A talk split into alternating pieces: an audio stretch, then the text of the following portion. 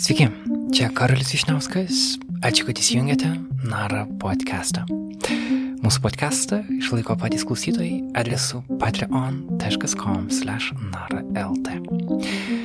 Šiandien kviečiu jūs išgirsti interviu su menininkė ir taip pat Muay Thai kovotoja Marija Nemčenko. Mūsų pagrindinė tema, kurią norėjome skleisti interviu, yra grįžimas į Lietuvą Marija po 13 metų gyvenusi daugiausia Londone ir Glasgow tai padarė. Bet žmonių norinčių sugrįžti, ypač po Brexito, yra daugiau. Klausimas yra, kaip Lietuvos visuomenė juos priima ir kokie dalykai Lietuvoje ilgai negyvenus krenta į akis ir kuriuos mes vėlgi visi kartu galime pabandyti pakeisti ar bent jau atkreipti dėmesį juos. Tokia yra tarsi pagrindinė pokalbio tema, bet kartu kalbėjom daug apie Marijos meną, apie jos Škotijos lietuvių bendruomenės tyrinėjimus, apie jos projektą, apie gandrus ir gandrus kaip tam tikrą migracijos simbolį. Jie apie tai kūrė dokumentinį filmą. Viską užbaigiam sporto dalimi. Tad nieko daug nelaukęs, kviečiu į šitą susitikimą jūs kartu. Gerą klausimą.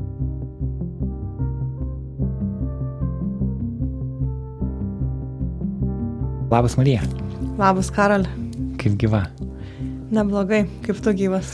Um, keistai, nes šitoj studijoje mes neįrašinėjom gal bent kokią pusę metų dėl karantino, dėl to keista grįžti tarsi atgal namo, keista su žmogum, gyva, žmogum kalbėti gyvai, o ne per Zoomą.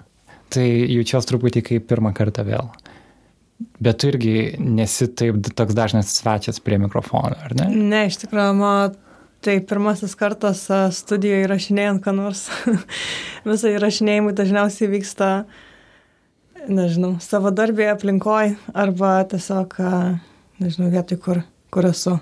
Hmm. Arba jeigu būdavo interviu, tai irgi dažniausiai kokiuose parodos, parodų erdvėse ar hmm. viešuosiuose erdvėse. Jo, čia yra tokia sterili aplinka, bet man jį savotiškai patinka.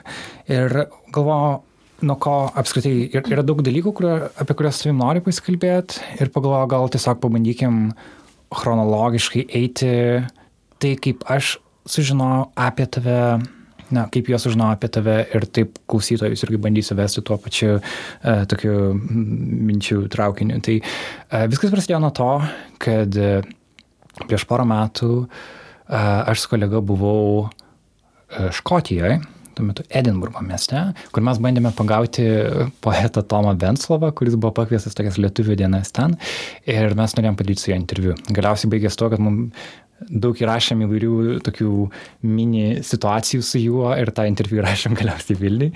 Bet uh, tuo metu uh, kuratorė, tiksliau ne kuratorė, kultūros atašė Junktinė karalystėje, Justė Kostikovaitė, sakė, Karli būtinai turi supažinti su Marija Nemčenko, kuri daro Škotijoje įdomius dalykus. Ir tuo metu mes nesusitikom gyvai, bet daug susirašėme e-mailais ir paskui susitikom tau grįžus jau tada iš Glasgow miesto čia į Lietuvą. Tai gal nuo to ir galim pradėti, ką tu darėjai Škotijoje, nes tu tyriai lietuvių uh, indėlį į Glasgow miesto visą pastatymą ir lietuvių specifiškai darbininkų rolę ten. Mhm. Ir apie tai darai parodą. Prisimink apie tą laiką. taip, taip, prisimenu. Ir prisimenu jūs tas skatinimą um, man irgi sustikti su tavim, kad būtų labai gera proga papasakoti apie projektą. Um, dėja, taip ir mums nesusi, nesusiję keliai ir man atrodo kažkaip lik nesusišnekėjom, kur kas vyksta. jo, ten gal kažkokia lokacinė, Aha, lokacinė nes. Um, Aš kaip ir turėjau, man atrodo, filmuoti tokį vietoj uh, Bells Hills, yra kaip, um, kaip ir priemestis uh, Glasgow. Um, ir jo, buvo ganėtinai tolokai, bet būtinai, būtent toj Bells Hill vietoje ir buvo didžiausia lietuvių imigrantų koncentracija um, 20 amžiaus pradžioje. Um, tai tenais aš ir filmavau daug, ir kalbinau žmonių vietinių, tai kaip ir um, pirmųjų tų migrantų palikonių, na jau ten, nežinau, kokia trečioji karta, turbūt ketvirtoji karta ėjo. Tai va, o pats projektas, tai jis vadinosi, jis irgi ganėtinai ilgai buvo vystomas, jis vadinosi In the Eyes of Lisa, o Lisa tai L-I-S-A, kaip ir Lithuanians in Scotland Association. Um, tai kaip ir buvo toksai kaip ir žodžių žaidimas, um, kad Lyza patapo toksai kaip fikcinis herojus, kuris atspindėjo, herojė tiksliau, kaip, kuris, kuri atspindėjo um, tą lietuvių darbą ir įnašą į Glasgow architektūrinį palikimą. Um, ir tuo metu, bijau sumeluoti, bet man atrodo, jis gyveno um, iki dešimties tūkstančių lietuvių um, Glasgow apskrity, tai skaitant ir Bells Hill. Tai, tokia, tai ir lietuvių grupė buvo trečia pagal didžiausią emigrantų grupę Škotijoje, tai pirmoji vietoje buvo airiai, antroji italai ir dėje kažkaip iš visų, iš visų šių trijų grupių lietuvių pėtsakas iš, um, išliko mažiausiai. Ir apie juos kaip ir mažiausiai išnekama ir iš tikrųjų ir pačių lietuvių išliko mažiausiai palyginus su um, airiais ir italais. Ir kažkaip būnant pačiai um, imigrantė Škoti, ar Škotijoje, ar Didžiojoje Britanijoje apskritai, Ir atvykstant tenais būtent kaip ekonominiai migrantai, ne iškart pradedant studijuoti, tai gal ir mano, as, mano patirtis ir mano, galima sakyti, santykis su ta vieta buvo ganėtinai kitoks, tai man migravimas visai ką buvo, migracija visai ką buvo labai artima tema. Um, tad man buvo labai įdomu bandyti suprasti ir pažinti ir um, tą migracijos pradžią lietuvių į, į Škotiją, būtent va to. Mhm. Ir sutyriai būtent darbininkus ir jų indėlį į miesto statybas ir to buvo įdomus tie žmonės ne tiek, kad jie yra, na, maždaug aš esu lietuvė ir jie yra lietuviai, bet labiau, kad jie yra žmonės, kurie vyko į Škotiją ieškoti kažkokio, na, geresnio gyvenimo, finansinio saugumo panašiai. Ir tavo pati pradžia Junktiniai karalystiai, suprantu, buvo tiesiog dirbant tai, kas vadinama paprasti darbai. Gali truputį mhm. papasakoti, ką tai veikia? Jo, um, labai paprasti, prasti paprasti.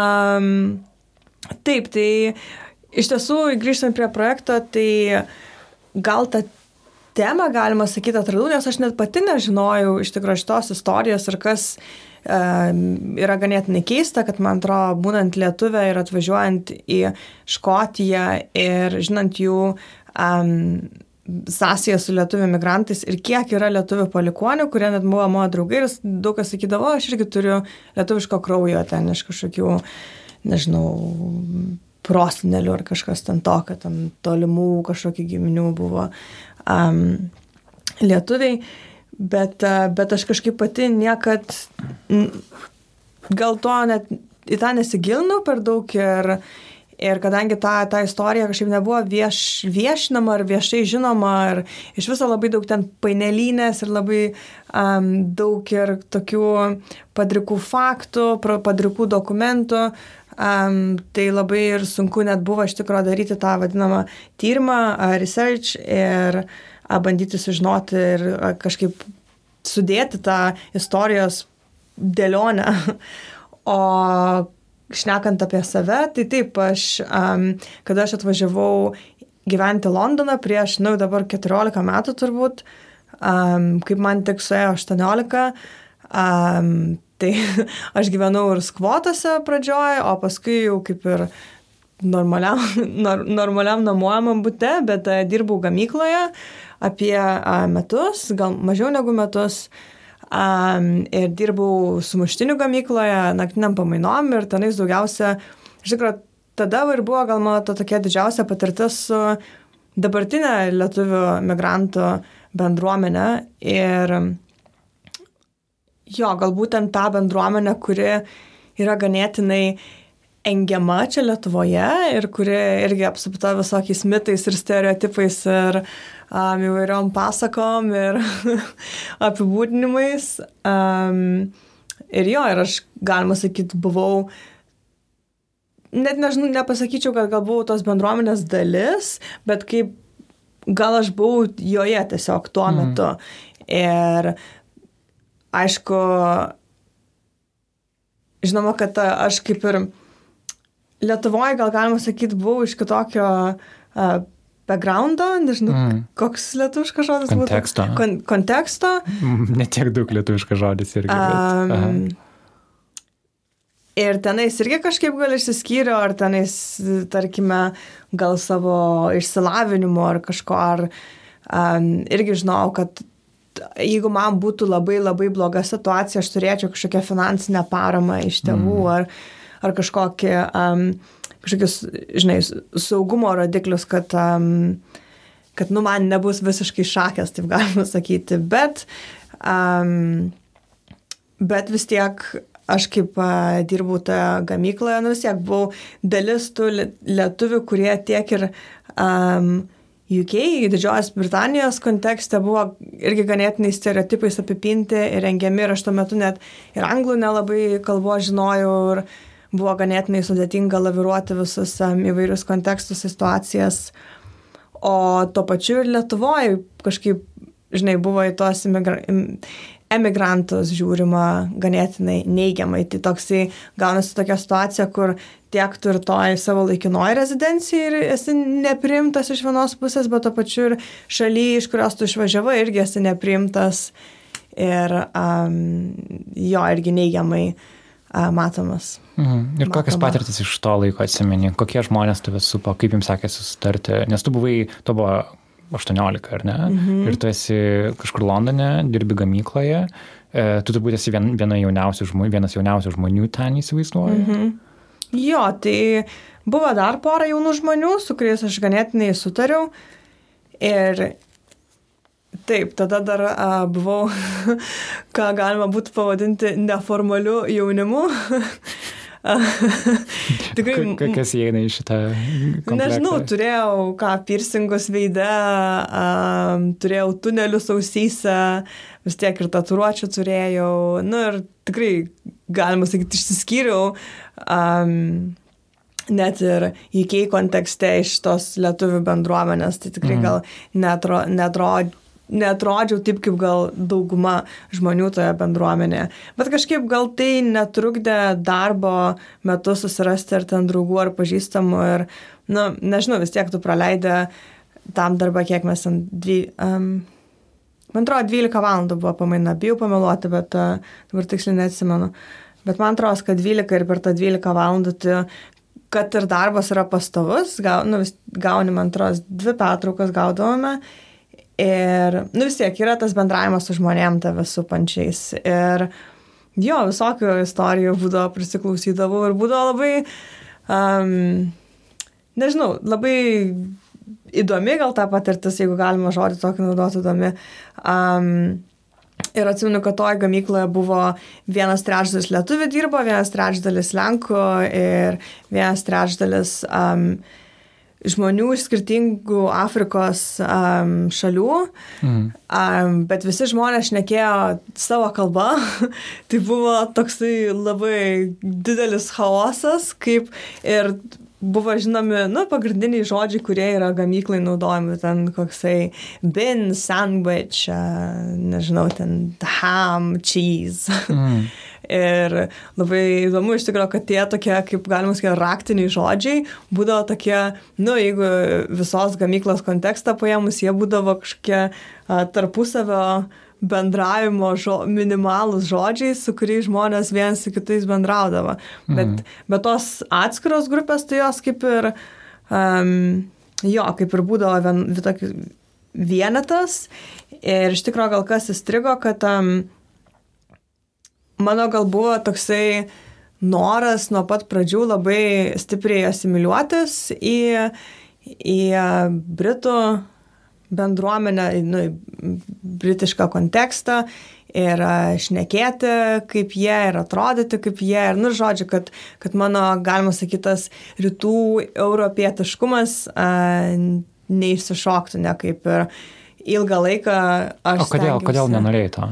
Dėl to, kad, manau, žinoma, tai, tai visiškai nėra tas pats ir um, daug paprasčiau negu žmonių, kurie atvažiuoja į UK, um, Didžiąją Britaniją su kita odos spalva, kuris um, tai yra um, akivaizdus kažkoks uh, vizualinės uh, ženklas, kad um, gal jisai nėra um, native, nėra lokalus žmogus, mhm. tarkime, nors um, ne visada tai tiesa. Um, bet gal pas mane tai būdavo net irgi žmonės, jeigu, jeigu sustikdavo, tai klausdavo iš karto, tu, ar tu iš Lenkijos. Hmm. ir aš kažkaip niekaip nesuprasdavau, kas kaip, išduoda. Kas išduoda? Taip, kaip, ta prasme, kaip čia atspėjo žmonės ir, ir kažkaip ilgą laiką spėliodavo, ar čia kažkokia pranga, bet paskui pora žmonių sakė, kad tą skruostikaulį išduoda, nes pas Britus nebūna taip aukštai skruostikaulį. tai toks, nu jo, ganėtinai keistas. Ne, bet, bet matyti yra ir kažkokie gal elgesio arba buvimo aplinkoje dalykai. Taip, ir žinoma, nemokant kalbos arba paskui išmokstant kalbą, bet turint akcentą, kurį irgi labai stengiausi panaikinti ir manau, gal tai gal ir pavyko, bet paskui pradėjau atvirkštinę tvarką dirbti, um, egzistuoti. O tai kaip, kaip tu žiūri dabar, nes tu praleidai uh, Junktinį karalystėje virš 10 metų maždaug 14 metų daugmaž, mhm. ar ne? Tai įsivaizduoju, kad tas savęs suvokimas irgi turėjo keistis, kad e, jeigu tu iš pradžių nenorėjai atrodyti ar ten būti atpažinta kaip rytų mhm. europietė, dabar įsivaizduoju tą savo identitetą, kad, aha, aš esu užaugus, nu, tu esi iš Kauno, ne, kad mhm. tu esi lietuvė, bet turi tarptautinę patirtį. Mhm. Kažkaip susigyvenai galiausiai su tuo. Jo, bet dar norėjau ką pridurti, kad um, gal priežastis, kodėl nenorėjau um, atrodyti ar būti rytų europietė ir norėjau asimiliuotis dėl to, kad tas um, spaudimas, galima sakyti, ir ta ksenofobija buvo labai jaučiama, ta prasme, nuo, nuo paprastų um, erdvių, kaip, viešų erdvių, kaip, um, netiksliau, bandant, pavyzdžiui, susikurti bank, banko kortelę, tai mm kai kurie žmonės buvo nelinkę gal duoti tau atidaryti sąskaitą jų bankė, nes turėjo kažkokius stereotipus savo galvoje apie rytų europiečius. Um, tokie pastovus irgi gal dirbant klausimai, kad um, ką tu čia veiki, kodėl tu čia esi, ką tu planuoji veikti ateityje. Um, nežinau, ten paskui jau pradėjau kažkada dirbti Starbucks kavinėje, tai čia mano buvo jau uh, tuo metu karjeros aukštumas. um, žodžių kartojimas labai lietai. Ir, nu, toksai tikrai ganėtinai. Tarsi tau, akiv... kai tau vykdo užsak, užsakymą, taip, taip, labai lietai sako, kad tikrai suprastum, taip, ko tu nori. Tiksliau, kokios kavos jie nori. Can I have latte? Na ir toksai iš tikrųjų ganėtinai žeminantis būdavo, nes bendraudavo kaip su um, netolygių žmogum, kuris, um, nesakau, kad ten turi greitai kažką sumurmėti ir panašiai, bet tiesiog dažnai būdavo, kad žmonės bendraudavo ganėtinai nepagarbiai ir tas labai jausdavosi, um, labai jausdavosi gal pirmaisiais metais. Um, tai va, tai tas toksai spaudimas um, iš Britų uh, bendruomenės nu, populiariausias tas mass media irgi ir ką laikraščiai rašo ir taip toliau ir panašiai kaip ir vertė mane arba skatino mane tiesiog atsikratyti tų stereotipų ir būti kažkokiai kitokiai, kad aš nenorėjau būti šitos masės dalimi. Aš um, jo, nenorėjau būti kvestinuojama, kodėl aš čia vis veikiu ir ką, ką aš tik. Tu tiesiog norėjai būti matoma kaip to, to lygi, taip, kaip, aš norėjau aha. būti kaip tolygus žmogus visiems kitiem jo, Britams arba žmonėms, kurie turi, um, neturi Aha. aiškintis, kodėl Aha. jie yra ir ką jie daro ir taip toliau ir panašiai. Ir kaip jie dabar? Ar vis dar um, turi aiškintis? dabar, man atrodo, jo, dabar kontekstas ir patirtis ir mano pačios pasitikėjimas savimi labai pasikeitė ir jo, ne, nesijaučiu, kad turiu kažkam kažką aiškinti, kartais iš tikrųjų dar net, ypač po Brexito buvo, kad ta klausimai, ką aš čia veikiu, mm. iškildavo, bet um, gal jau tada atsakymas būdavo, kad aš tiesiog nusijokdavau ir sakydavau, it's not your business. o, ar yra skirtumas tarp Škotijos ir, na, tu, tu studijavai Londone, mm -hmm. vėliau studijavai Glasgow, Škotijoje. Mm -hmm. Įsivaizduoju, kad Škotija yra na, galbūt draugiškesnė Taip, erdvė taip. migrantams ir apskritai dėl to, kad yra mažesnė erdvė, galbūt žmogiški ryšiai yra kitokie negu, pavyzdžiui, Londone. Nes kai mes kalbame apie lietuvių, lietuvius Junktinį karalystę, dažniausiai tai yra minima, na, žmonės išvykę į Londoną ir tai yra didelio miesto specifika. E, Tuo tarpu Glasgas iš esmės yra panašus į Kauną savo dydžią, ar ne? Jis gal šiek tiek didesnis. Mhm. Didesnis, Bet, didesnis, bet iš principo tai yra pramoninis miestas, kuriame, a, kuris neturi tos kažkokios didmešio. Britanijos kultūros. Detroitas mes. Tai kokią Britaniją tu radai ten ir kaip lygiai tenai? Um, jo, šiaip um, tikrai Škotija um, kaip vieta, šalis. um, tikrai jautėsi skirtumas tarp um, grįžus iš Anglijos, uh, atvykus iš Anglijos į Škotiją. Um, gal tas um, net nacionalizmo kontekstas Škotijos yra ganėtinai kitoks. Mhm. Prasme, e, mano supratimu ir mano aplinkoje buvo, kad ta Škotijos nacionalizmas apimė žmonės atvažiuojančius tenais ir imigrantus ir jie mm. buvo atviri imigrantams ir, nu, dauguma, aišku, visur visokių žmonių ir visokių pažiūrų yra, bet, um, bet jo, la, tikrai buvo labiau priimantis, priimanti vieta ir Glasgow miestas buvo labiau priimantis.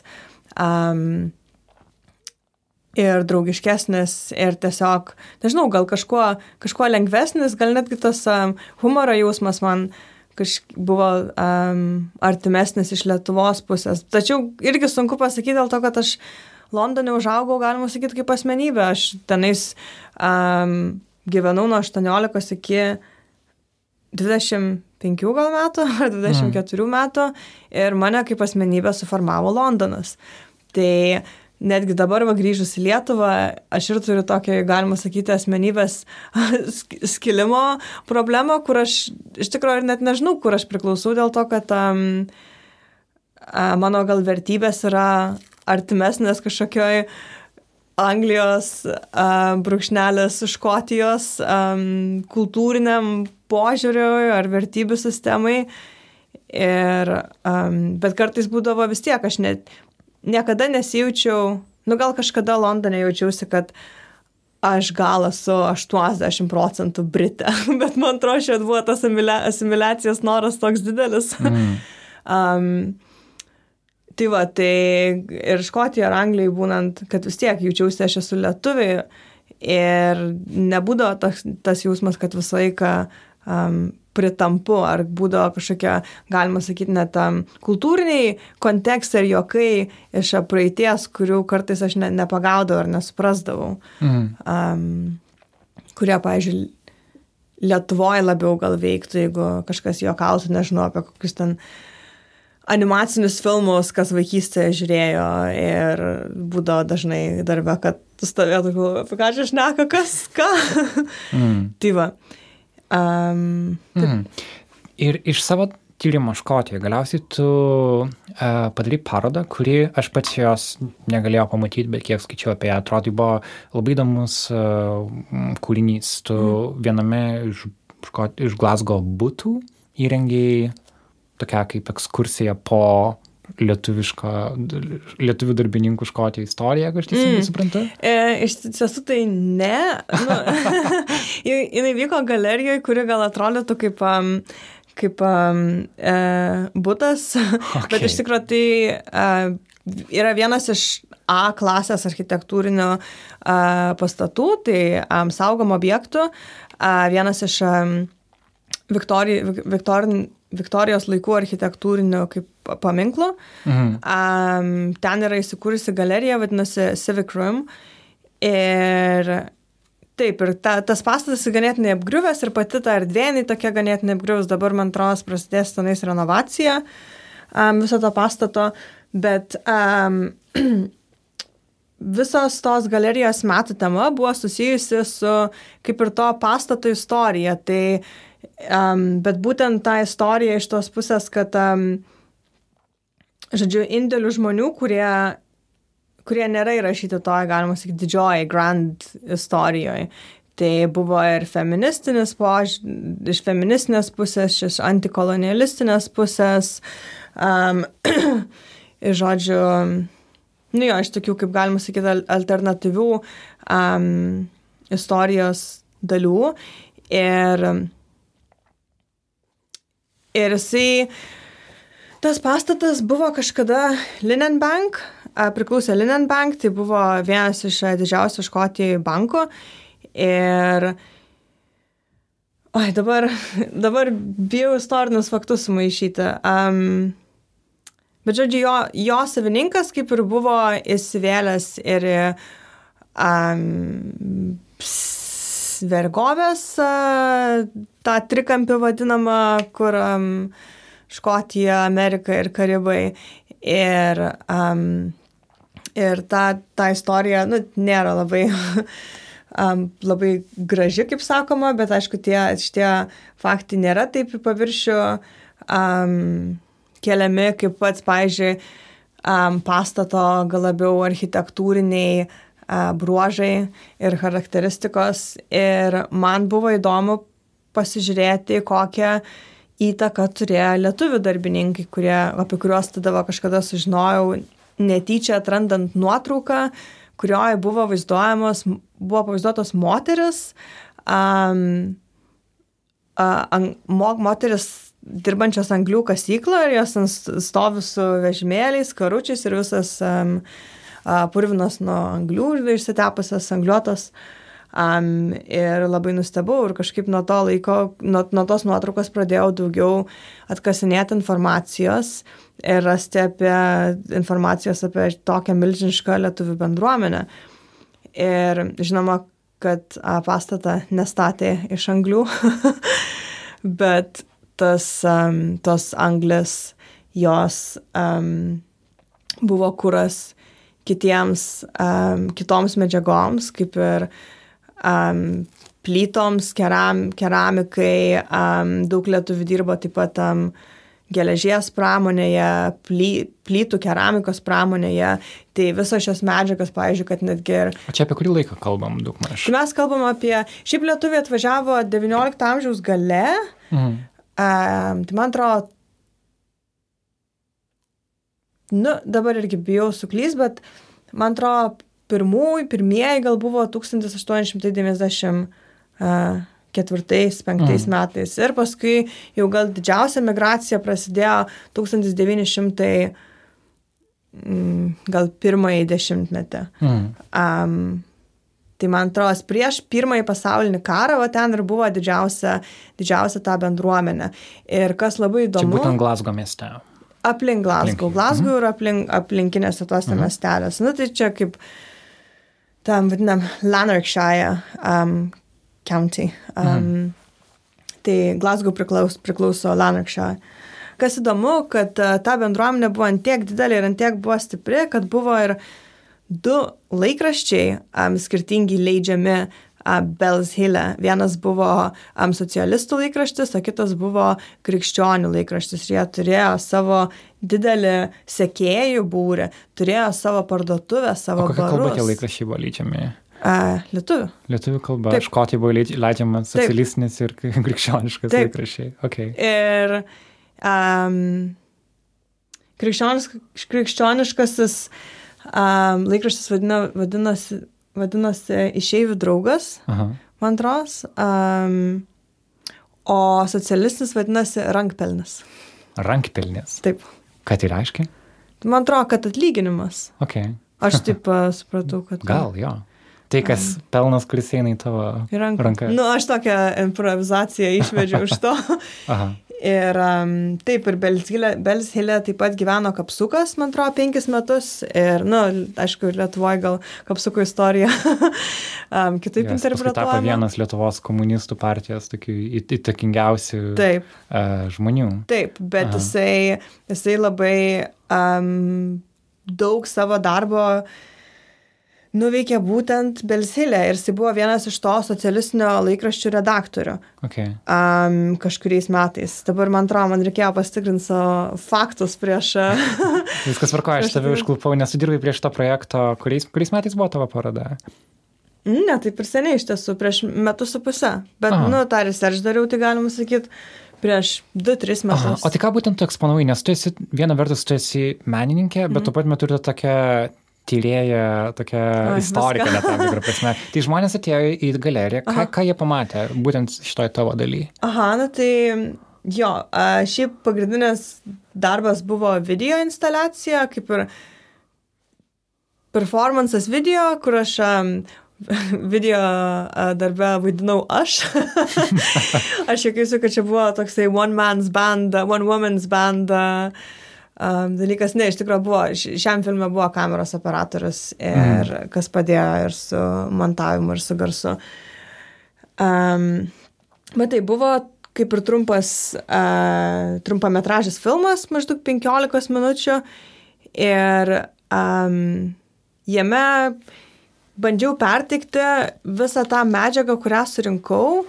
Ir kaip ir buvo toksai per, performatyvus, ganėtinai truputį juokingas um, video, kur aš um, lietuvių socialiniam klube um, pastačiau uh, tą vadinamą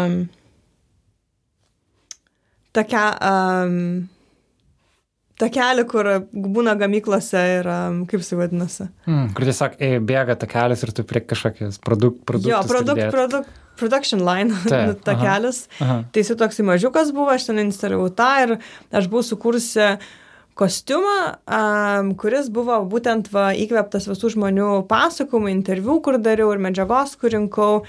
Tai pavyzdžiui, vienas žmogus, um, Alan, pasakojo apie uh, kilimą, kurį jo mama um, padarė ir buvo, jisai buvo uh, ne austas kilimas, o ragrag.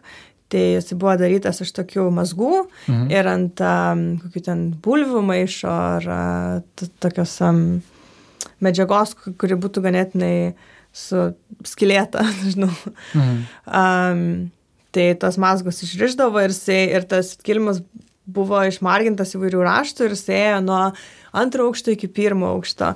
Tai jis labai gražiai apie tą kilmę pasakojo ir, pavyzdžiui, žiūrstas, kurį aš dariau, e, kuris buvo kaip ir įkvėptas lietuvių nacionalinio kostiumo, bet taip pat ir tų detalių pasakojimo. Tai, pavyzdžiui, tas žiūrstas, kur būdavo lietuvių nacionaliniam kostiumai, jis buvo padarytas kaip tas ragrog ir um, iš, iš Alano pasakojimo. Paskui um, toksai žmogus jau čia jau buvo iš archyvinės medžiagos rinkta, jau jisai dėja ne, nebėra su mumis tas žmogus, Vincentas, um, Vincent. Um, jisai pasakojo um, apie, kaip jeigu vykdavo lietuvių vestuvės, tai visi žinodavo, nes visi būdavo išsipuošę gėlėm ir nuotaka gražiai atrodo, ir visi buvo muzika, visai ką grodavo, jisai smūjų grodavo pats ir jis pasakojo, kad visai ką jį užsakydavo lietuvių vestuvėms ir sak, sakydavo, sakė, kad kaip vykdavo lietuvių vestuvės, visi žmonės tarkim, tam Belsil išeidavo į gatvę džiaugtis ir ploti, lietuvių, ne lietuvių, nes tai būdavo labai įspūdingas vaizdas ir kad viskas ir, ir, ir nuotaka, ir arklys visi būdavo apipuošti gėlėm. Tai Mhm. Um, tam video buvo taip pat naudojami fragmentai iš tų interviu. Tai tarkime, kaip jisai a, panaudojamas Vincento pasakojimas, tai um, tada kaip ir rodoma a, kostiumo dalis, kuri yra su gėlėm susijusi. Tai buvo toksai kaip ir mm, galvos apdangalas, galvos papuošalas, um, kuris susidėjo ir iš, um, iš rugių ir, um, ir atsiprašau, gėlių įvairių. Mhm. Tai suprantu taip, kad tavo žinia mm, Škotijos, sakykime, bendruomeniai yra tai, kad um, lie, lietuvių bendruomenė ten turėjo svarbę rolę ir kad apskritai tas miestas, dabar, koks dabar yra sukurtas, kad jis nėra vien, na, kad yra toks bendras tarp kultūrinis kūrinys. Tuo tarpu lietuviai gal irgi mažai yra žinoma apie Škotijos lietuvių apskritai egzistavimą ir kažkokią istoriją. Taip, Man būtent. aš kai skaičiau tavo tekstą, tu, tu pu- publikavai ir atskirą tekstą, apie tai man Taip. buvo daug kas labai nauja. Mhm. Tai taip, ir sakau, kas man patiko tavo darbe, kad atrodė, jo, viena vertus yra tas toks nacionalinis aspektas, kad štai e, lietuviai kažką darantis ne Lietuvoje, dažnai Lietuvoje jau yra savaime tarsi toks įdomumo momentas, žinai, kad tą galima istoriją kažkaip tarsi Lietuvai pasakot per tą tokį nacionalinį bendrumą. Mm. Bet skaitant tavo tekstą ir matant tavo prieigą, man atrodo, kad tu didesnį bendrumą su tai žmonėm jauti ne kaip kita lietuvė, bet mm. kaip kita darbininkė atvykus į kitą šalį ir bandanti ten kažkaip joje išbūt, kad ten buvo toks labiau bendradarbiniškumas tarp jūsų, o ne bendranacionalistiškumas, ją ja, supranti, ką sakau? Um, taip, taip, uh, sutinku. Ir manau, kad, um, nemanau, o pirminė projekto dalis, uh, idėja buvo, kad kažkaip sujungti va būtent tą istorinę dalį um, ir pasakojimus kitų žmonių su savo pačios pasakojimu, kaip um, man sekėsi dirbti toje gamykloje ir ką aš mačiau, ką patyriau ir koks tai buvo gal mano gyvenimo būdas um, ir kaip į tai reagavo, nu, ta prasme, kaip į mane reagavo um, plačioji Britų visuomenė, nu, Ang Anglijos visuomenė, Londono, um, Londone. Um, ir taip, ir su lietuviais pirmas iš Škotijai buvo tikrai ganėtinai problematiška situacija ir iš tiesų daug lietuvių buvo kaip ir apgauti, kaip tenais atvažiavo. Na, čia irgi yra tokių, tos istorijos labai, jos tokios spraguotos, daug spragų to istorija ir faktai labai neaiškus dėl to, kad visų pirma, kaip lietuviai važiavo iš Škotiją, Lietuvos kaip ir nebuvo. Mm, tai, kaip nepriklausomos valstybės. Taip. Mm. Ir dažniausiai tiesiog dokumentuose įrašyti būdavo arba Russian, arba Pole. Mhm. Um, Ir dar, kadangi škotai negalėdavo ištarti lietuvių ar parašyti lietuvių vardų, tai vardai tiesiog buvo pakeisti beleka. Mhm. Na, pavyzdžiui, yra istorijų, kad, um, pa, va, pavyzdžiui, kodėl škotijoje yra daug pavardžių, kur yra, pavyzdžiui, John Blue ar ten koks, um, nežinau, Pizza Brown. Um, tai tie Brown Blue Tai e, spalvos, tai jos yra kilusios iš būtent vaistų imigrantų laikų, kaip um, biurokratai, kurie surašinėjo uh, naujos imigrantus, tiesiog um, nežino, ką parašyti, tai tiesiog surašė spalvas belė kokias vietoj pavardžių.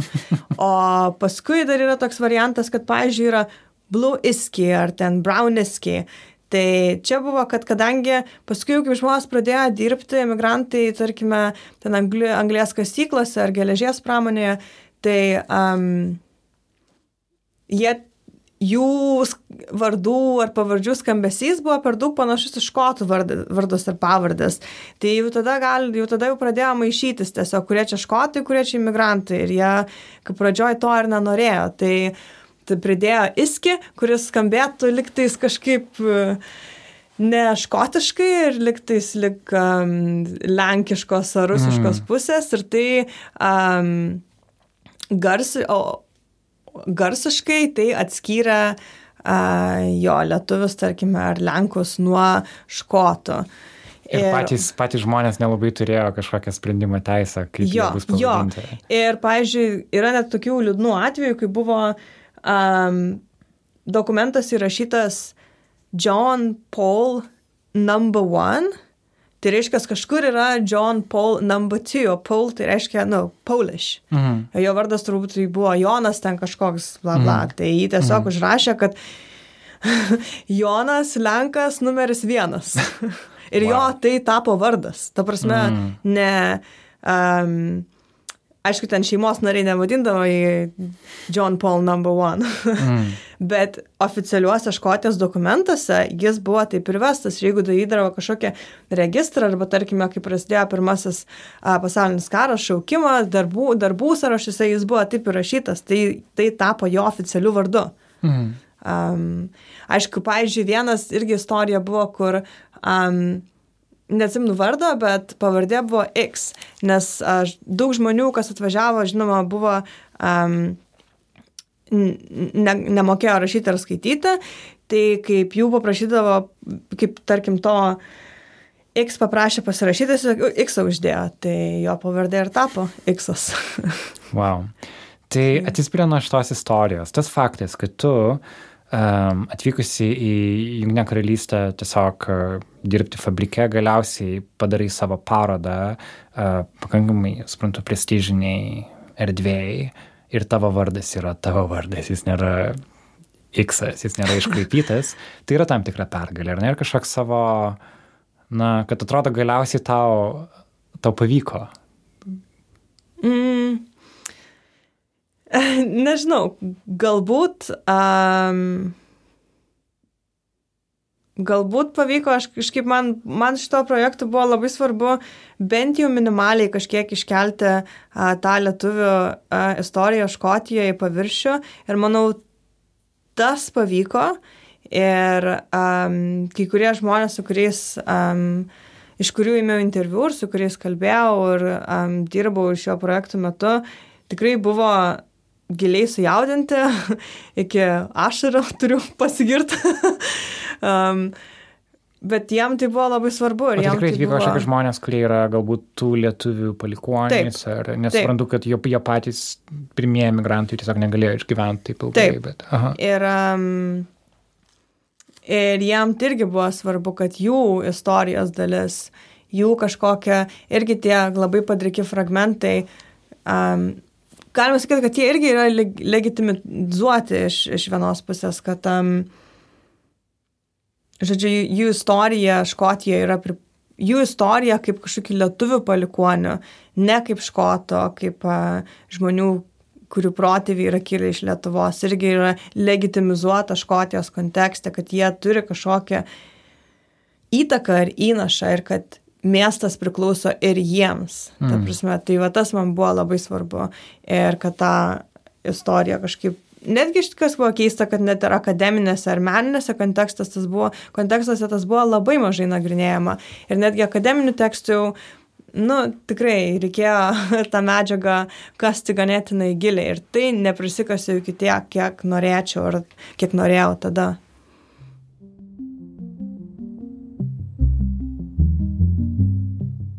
Jūs klausotės Naro podcast'o. Šiandien kalbame su Marija Nemčenko, menininkė ir Muay Thai kovotoja. Dar kartą primenu, kad Patreon yra ta sistema, kurioje jūs galite palaikyti mūsų darbą.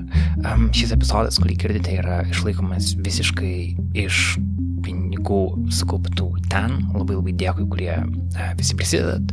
Ir aš noriu padėkoti specifiškai Liepos mėnesio patreonams. Jūsų jau yra daug ir aš noriu padėkoti kiekvienam jūsų.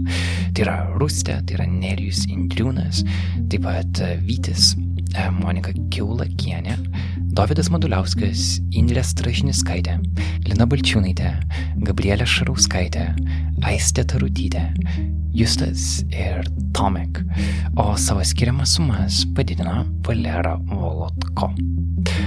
Ačiū Jums visiems. patreon.com slash narlt toks yra adresas norintiems prisijungti.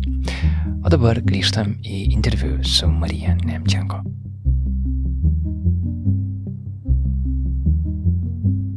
Marija, tai Junktinė karalystė, Londone ir Glasgow tu praleidai iš viso 14 metų. 13, mm, jo, 13 dabar metų. paskutiniai karantinas buvo Lietuvoje. Prieš tai tu buvai augusi Kaune. Mhm. Ir Kedainėse. Ir Kedainės. Ir tada tu, man atrodo, kai mes susipažinom, tu dar lyg ir svarstei grįžti į Lietuvą, mhm. nežinau, kiek jau tu buvai apsisprendus, mhm. bet galiausiai faktas yra tas, kad mm, neužilgo tu tai ir padarėjai. Tu grįžai tik ne į Kauną, į Vilnių ir čia tarsi pradėjo tokį naują gyvenimą, neaišku, kiek jis ilgai tęsis ir e, su tais tokiais, na, uh, sugrįžimais ten visam laikui kažkur, man atrodo, žmonės dabar jau taip net nebemasto, tiesiog, šiuo metu aš gyvenu čia. Ir vis dėlto, aš nepamenu, ar tu manęs klausėjai, o gal, arba man tai uh, koreliuoja su kitais draugais, kurie buvo panašiai situacijoje ir manęs yra to klausia maždaug, o ar, ar grįžti į Vilnių, ar, ar čia faina, ar, ar verta. Ir, ir aš tokiais atvejais tikrai nežinau, ką žmonėm pasakyti, nes iš tokios asmenės pusės tai aš noriu, kad visi grįžtų, nes visi bus šalia ir bus galima kažką veikti. Ir aš tikiu, kiekvienas žmogus kažką naujo Lietuvoje gali sukurti. Ir ta tarptautinė patirtis, kurią turi, yra reikalinga Lietuvai. Bet yra ir daug faktorių, kuriuos reikia žinot čia grįžus. Ir tam tikrą prasme tu darai tokį eksperimentą, tiesiog įvertinti, kaip, liet, ką reiškia grįžti į Lietuvą. Nes vėlgi, plečiant klausimą, yra tokia, žinai, valstybinė politika yra tarsi, kad, na, būtų smagu, kad tas milijonas lietuvių, kurie išvyko iš Lietuvos nuo 90-ųjų, kad jie kažkaip galiausiai grįžtų atgal į Lietuvą ir čia kažką kurtų. Bet klausimas, kokios yra, kokie, kokios yra tam galimybės, kaip, kaip mes, kaip visuomenė dar funkcionuojam. Ir sulik tavo patirtimi gauti ten, kas, ką tu radai grįžus į Lietuvą, kas tave nustebino, kas tave gal nudžiugino. Mhm. Wow, nu, toks uh, platus klausimas, net galvoju. Pirmie įspūdžiai, kas tau buvo? Tu nusileidai um, lėktuvui Vilnių ir žinai, kad, okei, okay, dabar aš būsiu čia. O, kaip lėktuvui Vilnių, Vilnių nusileidau, tai aš buvau į priverstinę izolaciją nuvežta. A, tik tai, čia buvo, čia buvo karantino laikas, okei. Okay. Aha. Um, ne, šiaip aš iš tikrųjų Lietuvą uh, svaršiau grįžti. grįžti um, prieš karantiną, prieš mhm. pandemiją, uh, kokius du metus. Ir tiesiog jau gal atėjo toksai laikas, kur pradėjau gal dažniau važinėti į Lietuvą ir praleisti jau desnius vasaros, tarkim, etapus, kokie du mėnesius, gal ar mėnesį, kartais net, man atrodo, nu ne, gal trijų nebuvau grįžusi. Um, bet tiesiog taip atrodo viduj pradėjo jaustis, kad atėjo laikas. Mm. ir, ir mane kas gal viliojo labiausiai ir dabar vis dar labai žavi, tai yra tas toksai gal Lietuvos miesto ir kaimo santykis. Ir um, va būtent tas uh, gamtos, um, gamta esanti Lietuvoje, bet taip pat ir, pavyzdžiui, ar sodai kokie, ar tokie dalykai, kur, man atrodo, um, Didžioji Britanija nelabai egzistuoja, gal Škotijoje, tai žinoma, ta gamta yra nežmoniškai graži ir uh, labai pasiekiama, bet nėra to tokio, nežinau, kažkokio... Savo sodo, negali. Savo sodo, ar toksai, net tam sodai ir tas toksai bendruomeniškumas kažkoks savitas ganėtinai yra. Bet ar jis vis dar yra, čia yra klausimas. Ar tai nėra tam tikra nei mitologija, kuri gal Lietuvos ten literatūra yra užfiksuota. Gal... Nežinau, gervienų dar yra Kauno apskriti, bent jau ką, mano a, nuomonė. Nes vienas iš dalykų, ką tu darai Lietuvoje, ir ką vis dar tesi, tu kuri filmą, mhm. dokumentiką apie gandrus mhm. ir šitą paukštį kaip simbolį migracijos, žinai, kelionę mhm. į šiltuosius kraštus, grįžimą atgal ir taip toliau. Ir šitam projekte tu lankiai keletą Lietuvos mhm. kaimų, sekdama gandrus ten skrendančius ir, ir pažinai žmonės ten. Aha, tai kokį tu kaimą ten radai? Oi, visokie.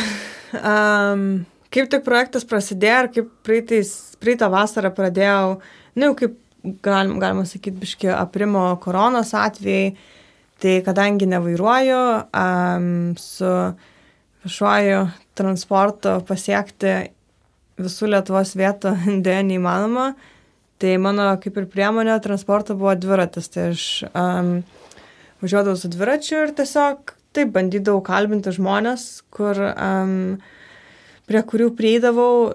Iš tikrųjų, šis kaip ir projektas, filmas buvo irgi ganėtinai didelė man patirtis, nes aš taip panašiai iš tikrųjų filmavau Palestinoje gal, bet aš visai, kad turėdavau kažkokį vedlę ar vedlę ar... Čia irgi gandrų žmonių. projektai. Taip, nes irgi gandrų. Tai irgi yra, Palestina irgi yra maršruto taip, dalis. Taip, taip, taip. Aha. Tai projektas tenais iš tikrųjų prasidėjo.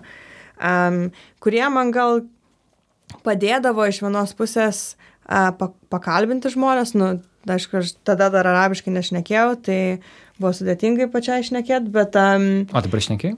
Nu, dabar jau man atrodo susišnekėčiau, bent mm. jau tokiom paprastom temam, gal mm. labai auk, lietai, bet susišnekėčiau, manau. Um, tai va, ir, ir Lietuvoje gal nesijaučiu taip patogiai kalbint pati žmonės ir kažkaip nežinodavau, gal kaip tiksliai prieiti, tai gal pradžioje buvo tie tokie uh, bandymai nenusisekę, bet tuo pačiu... Ką turiu gal... minėti, su jums tiesiog nekalbėdavo? Jo, tiesiog gal nekalbėdavo ir gal, nežinau, gal neturėjau kažkokios charizmos, tada tai negalėjau. Tu, tu atvyksti savo dviračiu. Taip, atvykstu dviračiu Aha. kažkur kažkokį kaimą. ir ką pamatai, pamatau, pamatai kokią nors pamatau gandralizdę šalia ir tiesiog einu tada į kitų namų ir klaus, sakyt, labą dieną, aš čia filmuoju filmą apie gandrus, bandau kažką papasakot, ar galite man papasakoti, kaip pas jūs įsikūrė gandras, arba... Ha. Tai va, tai dažnai žmonės tiesiog nenorėdavo kalbėti, bet man atrodo, aš kažkaip ir gal prieit nelabai mokėjau. Gal jie negalėjo patikėti, kad kažkas realiai tuo jo, domisi. Atrodo, gal tai atrodo kaip, žinai, man atrodo, kad kažkokia situacija. kažkas atvažiuoja su dviračiu, tokiam vienkiami, nulipo nuo dviračio ir man atrodo, aš ganėtinai gal dar ir jaunai atrodau, galvo kažkokia mergina, čia nei tema, kalbiname gandrus, kas čia vyksta. Um, Ir man atrodo labai filmuojant, nu gal ir pats žinai, daug ką reiškia užtikrintumas ir pasitikėjimas tuo, ką darai. Ir man atrodo, aš nei to, nei to neturėjau, tada tai toks įgaudavosi pusiau drabančių balsų kažką ten bandau kalbinti, pasako ne ir tada, um, nu, nu gerai. tai paskui man atrodo galą ganėtinai įsidrasinau ir tas, nu, nebuvo taip iš tikrųjų gal emociškai sunku, um, bet ką, jeigu va paklausas dėl um, kokio kaimo radau, tai aš gal važiavau, pradėjau daryti šitą um, projektą ir būtent susijusius su Lietuvos kaimo kraštovaizdžiu ir ką gandras reiškia, labai idealistiškai susivaizdavau, kad um, nežinau, nuvažiuosiu į kaimą ir ten rasiu senolę, kuri audžia audeklus ir pas ją gyvena gandrai, nusakys, ateik mergaitė, aš tau padarysiu arbatos išvirs ir mes pakalbėsim apie gandrus, bet dėja buvo kitaip. Ir ne, vis, ne visi, aišku, nenoriu sakyti, kad visas Lietuvos kaimas yra, um, turi problemų su alkoholizmu, bet buvo daug vietų, kur, nežinau, atidarydavo tiesiog kokia moteris net nesuprasi, ar serganti, ar girta, ar li kažkoks veidas kaip irgi apdaužytas su uh, melynėm. Ir, ir toksai, atsimenu, pirmą kartą, kaip tą pamačiau, tiesiog buvo šokas, aš net nežinau, ką tam žmogui atsakyti. Ir e, kažką paklausė, ar galėtume apie gandrus pakalbėti ir sakė, ne. Ir aš gerai. Ir paskui, paskui buvo atvejis, kad um, žmonės kalbėjo, bet kažkaip mes tavo su draugais iš tikrųjų su mašina važiavam. Bet tada jų pažįstamas, kuris buvo ganėtinai girtas, pamatė ir ten bandė pulti tą mašiną ir langus norėjo išdaužyti. Tai man atrodo, man kartais pasiseka su savo ilgu ležuviu išsikalbėti iš situacijų. Tai jo, tai aš kažkaip bandžiau paaiškinti sakau, bet čia viskas gerai, mes čia filmuojam paukščius, nesijaudinkit čia viskas labai čia gražu pas jūs, viskas gerai ir gerai baigėsi, bet galėjo hm. baigtis tai ganėtinai blogai. Atrodo, kad ta, kul, ta kaimo kultūra, kurios tu ieškoji, jinai galbūt egzistuoja pačioje gamtoje, ar ne? Tie patys gandrai, jie kaip sklydo, taip skrenda, viskas ten veikia, kaip per šimtmečius veikia, bet žmonės, žmonės pasikeitė. Nu ne, iš tikrųjų, tai va tas, ta Um, tai yra dalis filmo, kur, kad kaip žmonės pasikeičia, taip ir gamta aplink mus keičiasi. Rimtai, o kaip keičiasi gamta? Na, tai tiesiog, um, kur gandrai įsikūrė, irgi anksčiaugi gandrai kurdavosi dažnai ant medžio arba ant um, žmonių stogų, žmonių namų, žmonių stogų, žmonių mm. namų stogų. Um, dabar daugiausia gandraliždžių yra ant elektros um, laidų stulpų arba specialių platformų pastatytų, kas buvo su elektros kompanija kaip ir a, padarytas toksai projektas, bet tame irgi daug problematikos, nes kartais vieni tingi nenori ten um, su tuo kažką daryti ir bando nusiųsti gamtos aps, apsaugą, gamtos apsauga sako, jie nieko negali daryti, arba ten ornitologai nieko negali su to daryti dėl to, kad jie negali liesti elektros stulpų, dėl to, kad tai um, jo būtų baudžiamoji atsakomybė jiems dėl to. Uh, Tai jie siunčia vėl pas elektros kompanijas, elektros kompanija vėl sako, ne, jūs čia turi kalbėti su gamtininkais apie šitą, tai toksai. O tas gandras tiesiog turi savo lizdą ten. Jo, arba būna, kad tas lizdas nukrenta ant laidų, arba tenais. Aha. Nu, būna įvairių ten situacijų ir susidūrimų, arba daug gandrų a, miršta atsitrenkę um, į laidus, daug yra agrikultūros, a, monokultūros, kuri paveikia gandrų gyvenimo uh, gyvenimo aplinkybės, taip pat kaip ir migracinis kelias keičiasi, visi šneka apie Libanę žudomus gandrus. Čia buvo, man atrodo, kiekvienas žmogus šitą paminėjo, iš tikrųjų, manau, ganėtinai tai yra, nu, man gal asmeniškai buvo juokinga, nežinau, keist, keista, gal taip um, hipokritiška ganėtinai šitą klausyti dėl to, kad kiek um, gandrų susidurt, kiek gandrų iš tikrųjų numiršta nuo agrikultūros, visokių chemikalų ir žmonių įtakų, nebūtent, ta prasme, medžioklės. Mhm. Um, Libane gandrai yra tiesiog šaudomi, medžiojami, medžiojami, ar ne? Taip. Ir žmonės Lietuvoje tai minėjo, kaip, taip, kad, kad jie, tarsi... jie mūsų gandrus nušauna. Aha, o mes bet, jais rūpinamės. Taip. Um, tai to, toksai gavosi kažkoks hipokritiškumas, kad tas, na nu, ir šiaip, man atrodo, tai įsirišęs ganėtinai ir rasizmo atspalvis, ir toksai anti-arabinis kažkoks um, uh, požiūris. Uh, ir va, kad čia arabai mūsų gandrus šaudo, bet taip ir, pažiūrėjau, kiek Izraelio teritorija anksčiau susidurdavo gandrų su um, um, military aircraft, um, su ten naikintuvais ar panašiai, mm. tai tų, galima sakyti, gandrų mirčių um, sąlygų ir um, priežasčių yra daug visokių skirtingų, bet va, taip tas gaunasi toks kaip atpirkimo ožys, bet man atrodo, čia susiję labiau tikrai su žmonių požiūriu į tą regioną Aha. negu, Aha. negu su pačiu to faktu, nes irgi Lietuvoje medžioklė nėra nelegali, daug yra medžiojama žuvų gaudama ir kažkodėl tai nėra problematika, bet... Mm. Va, kad ir netų gandrų atrodo, ne visi žmonės taip juos mėgsta ir myli, bet um, Bet Aha. va, taip. tai vis dėlto viena iš priežasčių, kodėl tu norėjai grįžti į Lietuvą, yra tarsi patirta tokia tyra kaimo kultūra. Bet iš to, ką aš girdžiu, atrodo, kad tu ne visai radai. Na nu, taip, manau, niekas niekada nėra juoda arba balta. Ir um, daug priežasčių buvo, kodėl aš norėjau grįžti. Viena buvo irgi ir um, arčiau esanti šeima.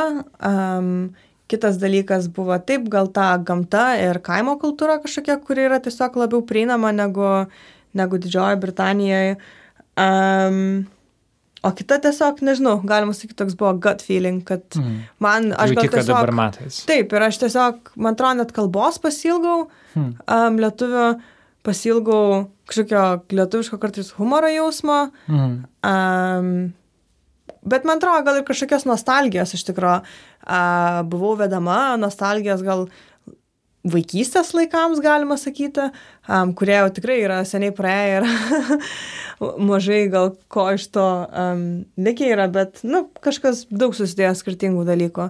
Mm. O ką radau, nu, tai jo, daug ir gerų, ir nelabai gerų dalykų radau. Man su tim kalbantis buvo įdomu išgirsti tokius praktinius dalykus, prie kurių gal mes esame įpratę, bet kurie atvykus į Lietuvą po ilgesnės pertraukos e, supranti, kad jie nėra visiškai, e, nu, kad taip nebūtinai turėtų būti. Pavyzdžiui, kai tu norėjai išsinuomot būtą Vilniui ir tu supratai, kad visa nuomas rinka yra praktiškai tokia ne, niekaip nekontroliuojama ir kad dažnai žmonės nuo, yra, tarkim, vos nestandartas išnuomot būtą be jokių garantijų -hmm. nuomininkui, kad ten sutartys, kurios pasirašomos, jos tokios labai, ne tik kad fiktyvės, bet, na, jos nėra. Fiktyvios. Iš esmės, jos yra fiktyvios, taip, ir kad pinigai dažnai mokami ten grinaisiais ir panašiai, kad atrodo, žinai, vienu metu mes turėdami visas ten uh, kažkokią finansinių, Lietuva savo, visai garsėja savo visais finansiniais, elektroniniais sprendimais, kompanijom ir taip toliau, mes turim tokį dalyką čia ir kad, ir kad apskritai tokios darbuotojų teisės, galbūt, uh,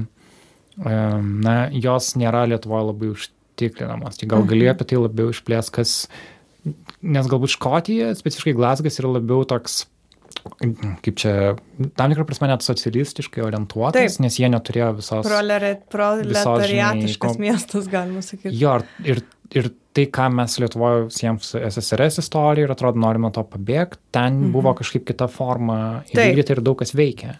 Taip, tai man atrodo, čia reikėtų gal Ir um, kažkiek žinoti, netgi šiaip Glasgow kontekstą, Glasgow buvo um, stipriausias komunistinis, galima sakyti, miestas uh, visoje um, Didžiojoje Britanijoje. Mhm. Uh, tenais yra daug labai stip, svarbios istorijos apie Red Clydeside, tai visa uh, laivų statybos pramonė buvo, um, buvo raudonieji ir iš tikrųjų ir ta proletariato kultūra buvo labai stipri ir labai daug, ir ta darbininkų kultūra buvo labai stipri ir iš tiesų jie patys išsikovojo labai daug per streikus, per protestus, per riaušės, tiek ir kažkokių socialinių garantijų darbininkams, bet tuo pačiu ir, mm, dauguma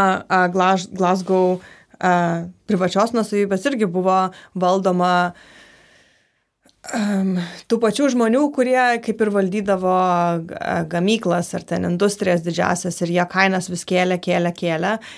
Ir galiausiai įvyko um, streikas vedamas moterų, kurios nebegalėjo išlaikyti tų um, savo būstų. Ir, ir taip, ir galiausiai protestavo ilgas, ilgas daug dienų ir, ir žodžiu, kad, nu, jo, ta, ta istorija visai kitokia yra ir tas netgi soci, socializmo kontekstas yra ganėtinai kitoks negu, negu Lietuvoje. Mm. Ir man atrodo, ir tą ir dabar žiūrima ganėtinai kitaip palyginus um, su Lietuva. Tai atrodo, kad kartais net, tas įtakos eina atvirkštinę pusę, kaip grįžus į Lietuvą, kas va, mane ganėtinai nustebino, tai tas um, galima sakyti, laukinis privatizavimas, kas dabar siaučia kaip viesulas Lietuvoje ir viską norima privatizuoti nuo, nežinau, ligoninių mokyklų, visi nori turėti būstus ir tuo pačiu nemeluosiu ir aš šitą irgi viesulą įsisukiu, nes tu kažkokį paranoją esi, kad jeigu tu neįsigysi kažko, tai... Bet neturėsi kur gyventi. Neturėsi kur gyventi arba tu mokėsi kažkokius nežmoniškus pinigus už, už, už nuomą. Ir, um, ir taip, ir kas buvo su nuoma susiję tiesiog nu, buvo tikrai ganėtinai keista, kad, um, pavyzdžiui, Glasgow yra ganėtinai tvirta uh, nuo, nuomininkų, tie, kurie nuomojasi, tai nuomininkai. Taip. Nuomininkų sąjunga, kurie gal naudoja tokius uh, ne tik teisinius, bet alternatyvius metodus um, ginti savo teisės. Tai tarkime, jeigu ten kažkoks um, nuomotojas neprižiūri savo būto ir tenais išnuomoja, um, tarkime, būtą, kuris, yra, uh, kuris turi pelės, problemų su pelėsiais, bet tas, tarkim, pelėsis uždažytas, ne, baltai, mm. ir po kiek laiko jau pradeda tas pelėsis lysti ir, ir tada įtakoja, žinoma, tavo ir sveikatą, ir, nežinau, ir estetinį, estetinį vaizdą viso būto. Ir jeigu nuomotojas nieko pati net nedaro, tai, pavyzdžiui, buvo nesiniai tokia akcija, kurie prie to būto ar prie tos agentūros, tarkime, kuri išnuomoja, tai jie uh, pagamino pelėsinius ledus ir dalino visiems praeiviams tos ledus ir sakė, ir žinote, kas čia yra, čia yra pelėsi ledai iš šitos agentūros išnuomavo tokį ir tokį būtą. Ir mm. tai žodžiu, kad, nu, jie kaip galima, galima sakyti, tą gėdos tokį uh, metodą ir principą ir vie, viešinimo naudoja. Ir, Um, aišku, yra daug, jie daug ir susiję su a, pabėgėlių teisėm, daug kovojo, kai buvo nemažai, ypač karantino metu, um, nelegalių imigrantų, ką jie taip vadino, um, išvarimų, tai Taip, jie iškovojo teisės, kad jie liktų ir kad jie nėra nelegalus imigrantai, Taip. kad jų tiesiog dokumentus um, uh, koks čia žodis, kad, um, kad te, tęsia labai ilgai tą visą dokumentų procesą ir mhm. tvarkymą ir, ir jo, ir juos išvaryti, ypač karantino metu, yra ne tik nežmogiška, bet ir nelegalu. Mhm. Um, tai va, tai jie buvo ir yra labai stipri sąjunga ir jie labai Čia daug. Ta pati nuomininkų sąjunga taip, taip pat padėjo ir taip, migrantams. Taip. Aha. Tai... Ir Lietuva aš nežinau, ar egzistuoja ne, aš... nuomininkų kažkoks. Ne. Na, jeigu tu esi nuomininkas, iš esmės tu esi vienas ant savęs ir tada prieš tą būtą šeimininką tu praktiškai nebent tu kažkaip žmogiškai su juo susitari, bet iš esmės tu vos neturi džiaugtis, kad... Taip, ir aš tikrai girdėjus keistų atvejų su um, Lietuvos būtų nuomojamais, kur šeimininkai ir ateina, ne, kada nori, nepranešę ir toksai, kad um, vos ne bandymas parodyti, kad šitą nuosavybę priklauso man. ir, um, ir, ir būtent gal toksai, um, skaitant gal komentarus visose nuomos grupėse, kad kad dažnai yra kaltinimas nuomininkas dėl visokio, kad, kad šiaip yra nuomininko atsakomybė tvarkyti tą būtą ir jeigu kažkas sugenda, tai yra nuomininko atsakomybė tai sutvarkyti, kada bent jau ten, kur aš gyvau Didžiojo Britanijoje, tikrai taip nebūdavo, kad Aha. jeigu sugesdavo, nežinau, koksai net Glasgow pas mus buvo sugesdavo ten koks šaldytuvas ar spintelės durelis nukrisdavo, tai, tai būdavo savininko um, atsakomybė tai sutvarkyti. Nu, mhm. nebent mes nulūpdavom. Ten jeigu, nu, mes specialiai kažkokią žalą padarom, taip. tada taip, bet... Um... Aha, man dar įsimenėm, kai tu pasakai apie uh, Romų situacija skirtingose miestuose, kad mm -hmm. minėjai, kad Glasgow yra labai daug žmonių, kurie nori kažkaip savanoriauti, kas susijęs su Romų bendruomenė, mm -hmm. kažkaip padėti, kad atrodo vos ne savanorių yra beveik tiek pat, kiek pačios bendruomenės. Mm -hmm. ir, ir tuo tarpu Lietuvoje tu atvykai maždaug tuo metu, kai buvo išformuojamas Romų taboras ir buvo nelabai aišku, ka, kur tos šeimos dėsis. Ir mm, Vilniaus meras tuom sakė, štai mes čia padarėm didžiulį darbą, e, taboras išformuotas. Ir buvo sakoma, kad visos tos šeimos gaus tam būstus, bet uh, vėliau pavyzdžiui, žurnalistė Gėdrė Pesitskytė, kurios tekstą mes patys publikavom Nara tinklalapį, parodė, kad na, ne viskas ten taip lengvai, na, kad šeimos, kai kurios tuo metu, kai rašė, vis dar neturėjo tokių stabilių namų ir, na, žodžiu, kad ta savivaldybės žinia buvo tokia, nebuvo, netitiko realybės tiek pat. Ir ne, mažai žmonių tuo iš tikrųjų domės, net mes visi gyvenam tam pačiam mieste. Tai mhm. atrodė, kad dar tas, kad toks bendruomeniškumo ir kažkokio pagalbos esančiam sunkesnėje situacijoje, Vilniui, gal Lietuvoje apskritai nėra tiek daug, kad žmonės labiau, ai, čia tavo reikalas. Na, nu, ma, aš tikrai a, manau, gal čia, kad grįžta, gal netgi tą ta privatizavimo klausimą ir um, gal irgi tą posovietinę kažkokią traumą ar žalą kažkaip galbūt verčia žmonės dar kažkaip kovoti už tą individualų išlikimą mm. um, valstybiniam kontekste. Um, ir, ir irgi biškai grįžtant vėl į kitą temą, um, kas buvo keista, atsimenu, kaip grįžau ir kaip grįžau per karantiną ir aš tada va, būtent išvažiavau iš Glasgow, kaip um, jau buvo pirma diena, va, kaip aš išvažinėjau, buvo įvestas karantinas, bet jau daug žmonių izoliavosi ir nors tų atvejų tada dar nebuvo labai daug, um, ten tokia grupės dalis buvau, uh, internetinės, ten Facebook'o, socialinių medijų susikūrusi, kurie to rajono, kur aš esu, kaip ir kaiminystės bendruomenė, kuri, žodžiu, bando ten viens kitam padėti, ar ten kažką reklamuoja, ar, ar dar kažką, nežinau, žodžiu, bendruomenės socialinę platformą. Bet kai prasidėjo karantinas, visi taip susibūrė ir bandė, pavyzdžiui, kažkas pradėjo duoną kepti, kad tie žmonės, kurie izoliuojasi ir kurie turi kažkokių problemų su sveikata, ar yra seniori, kad tie žmonės gautų kas a, kas savaitę tas duonas kepinę. Paskui ten, kai buvo ta tualeto, tualetinio popieriaus drama, tai žmonės rašydavo, pažiūrėjau, rašydavo partuvės, kur jie matė tualetinį popierių. kur dar liko. kur dar liko. Aha. Arba, bet atsimenu, su miltais. Užuot patys važiavo nusipirkti. Jo, ir tas buvo, man wow, ir paskui atsirado, paskui atsirado skelbimai duryse. E, languose, kad um, jeigu jum reikia pagalbos ar panašiai, tai skambinkit šito numeriu ir aš um, padėsiu, kuo galiu. Paskui per tą platformą susikūrė tokia kaip ir uh, sugalvojo, kad žodžiu reikia daryti kažkokį kaip ir la, nu, labdarą, galima sakyti, ir kad suburti kažkokią grupę, kurie bus atsakingi už a, vien padėjimą tiem, kurie izoliuojasi. Tai tada aplink tą rajoną Glasgow buvo iškabinti plakatai su telefono numeriu, porą kalbų, didelėm raidėm, ten, nežinau, free help, COVID, bla bla bla bla, telefono Aha. numeris, emailas. Ir žodžiu, kad suprastų ne tik tie, kurie angliškai išneka, mm.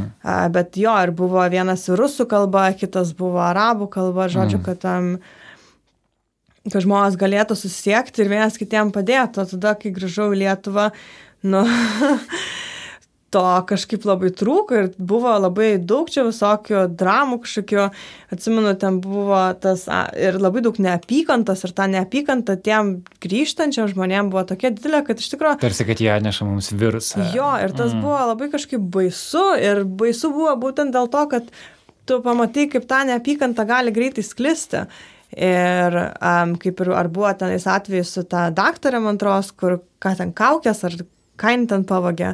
A, jo, jo, jo. Taip, taip, taip, tai ten vieši pareiškimai, jai tai buvo, tu prasme, ten ausis nulenkti. Gali taip, kad ta Aha. prasme toksai kažkoks, um, um, Nu, jo, Galima suprasti, kaip.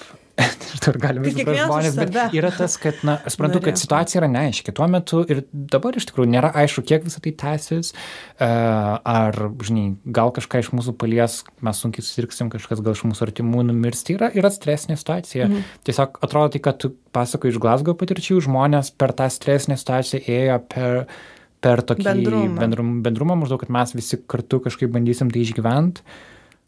Lietuva gal buvo labiau pabandykim savo tą sukilusį dabar kažkokią nežinomybę ir pyktį rasti, kur jį išlietant kažkokią mhm. kitą žmogaus. Tai va, ir grįžtant prie mm. Romų, ką norėjau, nu, taip, nu, nu, nukreipti per tą, kad, um, žinoma, irgi nesakau, nėra Glasgow kažkoks svajonių miestas, kur ten nėra jokių uh, problemų su rasizmu ar ksenofobija ar, ar kitom um, problematikom.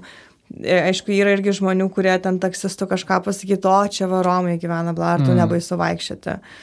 A, bet yra didelės, didelė tos, a, vietos, kur gyvenau, a, rajono bendruomenė, kuri tikrai norėjo įsitraukti kartu kažkaip su ta Romų bendruomenė. Pavyzdžiui, jau kelis metus vyksta Romų a, filmo festivalis, kur kuriam buvau ir man kas labai patiko, kad buvo toksai kaip ir savotiškas chaosas, nebuvo toksai filmų festivalis, kad kaip nežinau, um, kino pavasaris. Mhm. Bet buvo tiesiog pastatyti padukai, atsigerti ten kažkokiu gaivių įgėrimų, buvo arba ta kava, tenais iš Romų bendruomenės žmonės išvirė kažkokiu ten um, sriubų ar karštųjų patiekalų ir tiesiog galėjai ateiti ir tau ten įdės, nemokamai ten visas tas maistas ir visi tie užkandžiai buvo.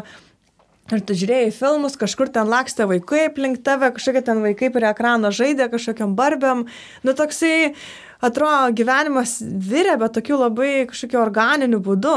Ir tas buvo labai labai miela ir buvo ta labai gera žiūrėti, kad tas nebuvo ta gal integracija, galima Mm. sakyti, priverstina kažkokia. Ar, um, um, ir atrodo, kad labiau gal tą Romų bendruomenę Pakvietė pakvietė žmonės. integruotis, Jo, o ne jo. tarsi jie turi prisitaikyti prie Jo, kažkokios. taip, va būtent ir va tas, Aha. um, aišku, visokie ten būna ir tų projektų ir iniciatyvų, um, bet daugumoje mano nuož, nuožiūra buvo toksai, um, jo, įvairių bendruomenių noras būti vienas kit, kita, būnant skirtingais. Ir tas, manau, labai svarbu yra. Mm. Ir kažkaip, va, kas vyko su tuo taboru, labai buvo liūdna stebėti. Ir va būtent, ką, tarkime, tą um, nuomininkų uh, asociacija sąjunga daro, tai jeigu kai būdavo, kaip ir sakiau, iki migrantų ar pabėgėlių į- į- evikcija, Mm, iš, iš, išvarimas. išvarimas iš jų būtų, tai ne tik jie kovodo, bet ir jų kaimynai ir kažkokia dar toks parduotuvės savininkas arba dar, dar porą kokių namų um, už tavęs ar ten už tų pabėgėlių irgi eidavo į protestą ir stovėdavo prie jų durų ir sakydavo policijai, jūs nepraeisite, nes jūs turit pro mus praeiti. Mm. Ir tas toksai nepaisimas, kad jie gal skiriasi nuo mūsų, ar mes ten Mm. skiriamės nuo jų, ar visi esame skirtingi, nes ten ta e, kaiminystė yra labai skirtinga, ten didelė pakistaniečių istoriškai bendruomenė yra, taip pat didelė romų koncentracija, ten būtent lietuvių buvo labai didelė koncentracija, ten labai e, žydų irgi didelė bendruomenė buvo, tai ten labai tas toks tarptautinis, multikultūrinis e, taškas ir galva būtent, kad tas is- istoriškai ir turi tokį įtaką, kad žmonės bando sugyventi vienas su kitu, mm. nepaisant skirtumų. Tai iš to, ką girdžiu, galbūt žinia žmonėm, kurie planuoja grįžti į Lietuvą, yra tai, kad čia tu daugiau būsi paliktas vienas, dažnu atveju, bet, bet yra bet. E, ta prasme, kad bendrai tokia, toksai tarsi standartas, kad, na, žmonės šiuo metu įpratę gal rūpintis savim ir gal kažkokiais savo artimais, bet jeigu tai nėra tavo giminaitis, kažkoks draugas, jis tarsi jau nebe mano įtako zonai. Bet man atrodo, kad tarp žmonių yra tokio bendruomeniškumo noras iš principo yra ir kažkoks yra geronoriškumas ir kai kažkas padaro kažkokią bendruomenišką iniciatyvą, visi lyg ir džiaugiasi. Tai aš netikiu, žinai, kad mes kaip bendruomenė iš principo tų dalykų atsisakom, kad mes kažkokie labai individualistai. Gal tiesiog ta kultūra, kurioje mes dar gyvename, jinai mus tokiais įpratino būti. Mhm. Bet galbūt galima matyti Lietuvą kaip tokia, vat, erdvę, pabandyti perkurti tą kultūrą, kuri čia formuojasi. Taip, erdvę pokyčiams. nu, ir galbūt dėl to čia verta grįžti, nes čia daug dalykų nepadaryta.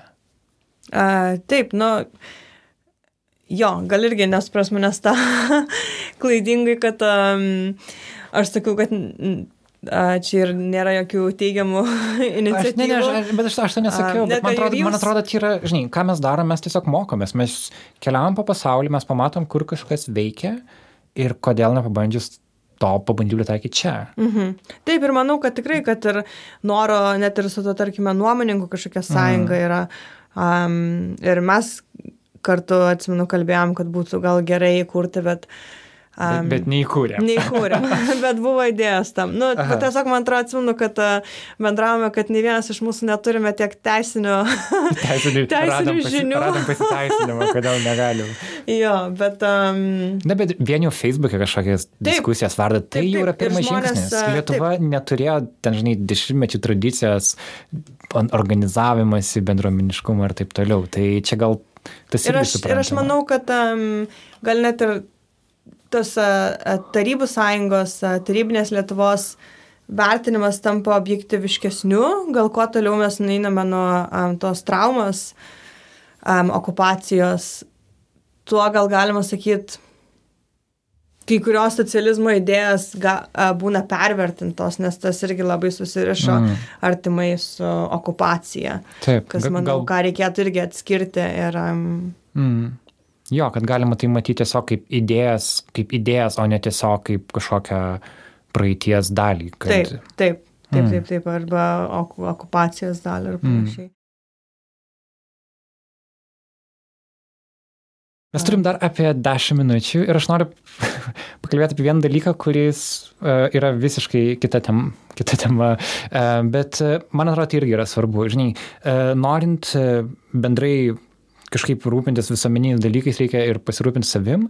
Ir mane iš tikrųjų labai nustebino tave pažinus, sužinoti, kiek daug tu laiko praleidi ne su meno projektais, bet tu praleidi sporto salėje. Tu esi profesionali mo, mautai. Muaitai. Muaitai.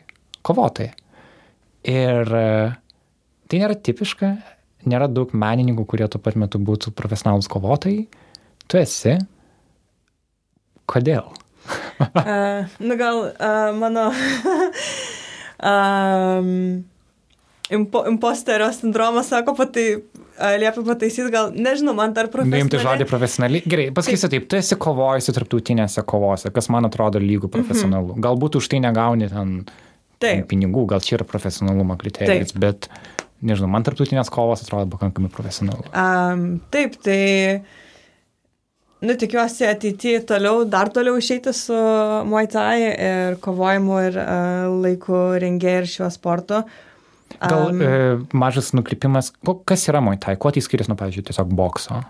Mm, Muay Thai tai vadinamas kaip spo, keturių galūnių sportas, tai naudojami, žodžiu, kojas, keliai, um, rankos, rankos smūgiai, alkūnės.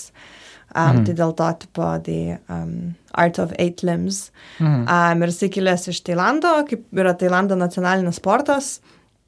Ir jis yra ganėtinai um, senas, ancient, jisai kaip ir kilęs iš ganėtinai gilių Tailando tradicijų. Jo istorija kaip ir senesnė negu, tarkime, bokso, kuri kaip ir labiau modernaus pasaulio istorija. Um, Muay Thai kaip ir buvo um, tailandiečių, žodžiu, gynybinės kovų menas, bet kuris buvo labai susirišęs, žodžiu, kai tu muaitai kaip ir negali iš vienos pusės atskirti nuo tailandiečių kultūros, kas yra a, nuo budizmo principų ir ką daug dalykų um, muaitai kovų mena, mene ir um, simbolizuoja, tarkim, ar ten ištvermė, ar toksai, um, žodžiu, išlikimas ramiam, stresiniai situacijai, ramiai mano atžvilgiu, mhm. stresiniai situacijoje, um, žodžiu, kad um, taip, kad ir tu eini kovoti ne tik, kad įrodyti savo galį ir savo agresiją, bet tu eini kaip ir išbandyti savęs ir išbandyti tas sunkias, sudėtingas um, gyvenimo situacijas. Ar tu to užsiemi į Glasgow? Um, aš iš tikrųjų, nu čia toks jau mano gyvenimo periodas, kur aš labai daug keliavau visur, Tai aš iš tikrųjų pradėjau užsiminėti Berlyne, pradėjau nuo tokio feministinio bokso klubo, kur pradėjau nuo kickbokso, bokso, kickbokso, matai, um, bet ats, ir pradėjau prieš kokius du su pusę gal metų, uh, gal trys metus, dabar net neatsimenu tiksliai, um, bet taip, aš iš tikrųjų nuo vaikystės labai buvau ir sportiška ir man sportas labai įdomu buvo, bet uh, galbūt būnant uh, mergina, tai nieks mano kontekste rimtai nežiūrėjo ir aš atsimenu, labai norėdavau karate daryti ir daug ir kiemę lakščiau ir mušiaus. um, bet, na.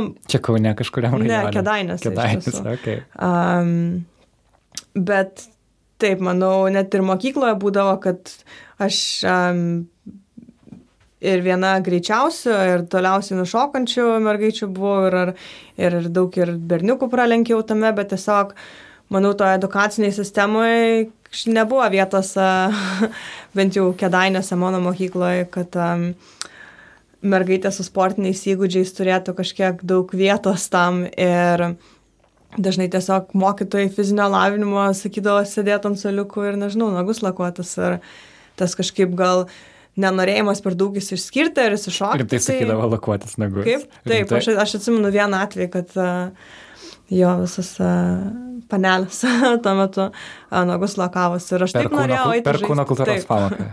ir, wow. ir mokyti ne tik, kad um, nes ne nieko nesakydavo, vos neskatindavo, nes tai eik pasėdėk tenai skatų čia. Ir tas iš tikrųjų labai liūdna, nes man atrodo, gal, galbūt galėjau tapti irgi, jeigu tas talentas būtų um, atrastas laiku ir skatinamas, tai gal gal galėjau, nu čia galėjau, kodėl būtų šiuda, bet, um, bet, nu, gal būtų gyvenimas kitaip susiklostas, jeigu būtų tą talentą pastebėję anksčiau. Bet atradau sportą netolė 30, kas smagu, kad aš visą jį atradau ir, ir aš kurį laiką jau visai, ką norėjau už, užsimti nuo paauglystės boksų, bet gal tada irgi jau po paauglystės kiti dalykai rūpėjo ir gal atradau įtinkamą metu ir paskui praktikavausi Palestinoje, tai Palestinoje jau labiau pradėjo Muay Thai užsiminėti, ir kas gal yra keista, Palestina Muay Thai, kas šitą dabar mm.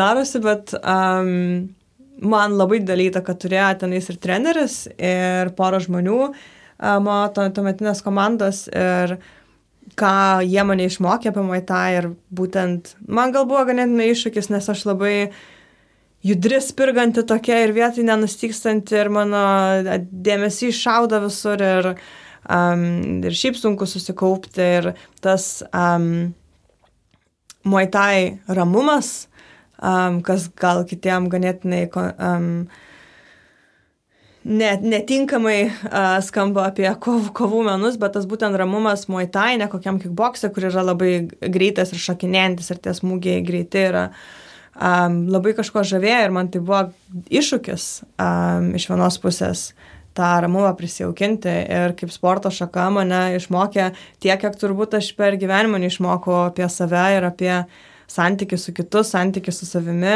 santykių su a, sudėtingomis situacijomis, a, su savo emocijomis. Wow. O ir... kaip, kaip, kaip tai veikia tuomet tiem žmonėm, kurie nėra profesionaliai sportavę, kaip aš, pavyzdžiui, ir kaip tu gali pažinti save per sportą. Nes gali tai atrodyti kaip tiesiog, nežinai, fizinis. Ir tas fizinis komponentas, kad yra gerai judėti, yra gerai būti fit, mhm. bet tu kalbė apie grinai jau psichologinius kažkokius pokyčius. Na nu, taip, man iš tiesų, aš paskui kaip tiesiog Glasgow sportavimą aš turėjau ganėtinai mm, problematišką santykį su uh, Gal ypač merginom, kurios atydavo sportuoti dėl figūros, tarkime, ir ar, tarkim, būdavo, kai ten boksas size, kad kaip boksas, bet, um, bet labiau šiaip visai toksai, um, kaip judesiai naudojami boksą, bet tiesiog, kad um, fizinį aktyvumą išlaikyti. Ir man atrodo, kad aš nesuprantu, kam žmonės eina mokintis boksą, jeigu jie nenori nieko su tuo nenori boksuotis su kitais mm. žmonėmis. Mm. Bet gal dabar tą požiūrį pakeičiu ir man atrodo, kad um, bet koks um, fizinis aktyvumas ir kažkokia situacija, kur tu um, bandai perlipti per save ir bandai savo kažkokį iššūkį duoti, ar tai būtų kažkoks, nežinau, 5 km nubėgimas, ar tai būtų uh, nežinau, e, didesnę ištvermė padaryti, tarkime, tenais šimtą pritopimų už 50, nes tu savy kažkokią, e, nebūtinai varžyti su kitu, bet tu savy kažkokį tą um, pasiekimą gauni ir, ir tokią kaip, um, nežinau, um, pamatymą, kad tu gali.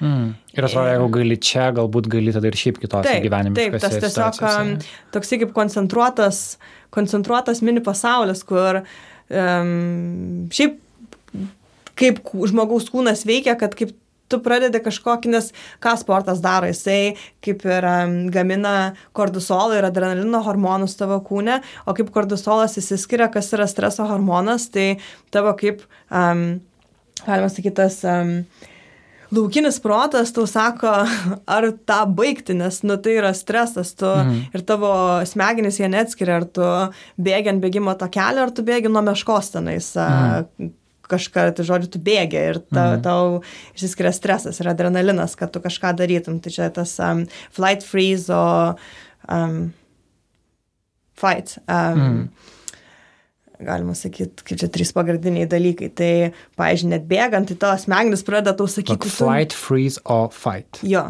Žodžiu, bėg, sustink, sustink arba kovok. Arba kovok. Tai, kad tavo čia yra tokie pirminiai um, pir, pirminės reakcijos a, sunkioje situacijoje, tai mhm. išgyvenimo situacijoje. Tai čia, žodžiu, yra seniausia žmogaus smegenų, smegenų dalis atsakinga už šis tris, tris dalykus. Mhm. Tai tarkime, netgi pradedant kažkokią bėgimą ar kažkokią fizinę veiklą užsiemant tavo smegenis, jos nenori, kad būtų stresas. Mhm. Jis nori lengvai judėti ir tavo kažkaip bando atkalbėti, ne, kad ne, sunku, koja skauda, kai aš nenubėgsiu, negaliu, nenoriu.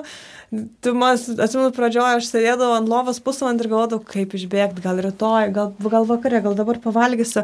Bet um, tiesiog netgi tas perėjimas per visas šitas mintis ir uh, užsispyrimas, kad ne, aš bėgsiu, nu žinoma, nesakau, ten bėgsiu sulūžus ako, ar ten jau keli, ke, kelias, jeigu nesusilenkia, ar nežmoniškai skauda, bet tas ištvermė, tokias um, net savo paties, pat, pačios savo sakomų atkalbėjimų ar, ar, ar minčių, ar emocijų ir bandymas, bandymas susitvarkyti su juo, manau, labai labai įdomu ir labai um, reikalinga uh, žmogaus gyvenime. Be to, būnant moteriam, tai man atrodo dar a, skirtinga kaip ir a, lygį tam prideda, kad ypač mhm. buvimas rengia ir ypač užimimas vietos ir rodimas a, kažkokio, nežinau, fizinės jėgos, fizinės stiprybės.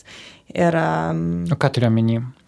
Nu, turiu omeny, kad man, a, kaip moteris, man atrodo, daug, dauguma esame gal um, užaugintos būti mandagiom, um, užleisti vietą, um, neįsišokti per daug ir, nu, tiesiog um, neužimti per daug vietos.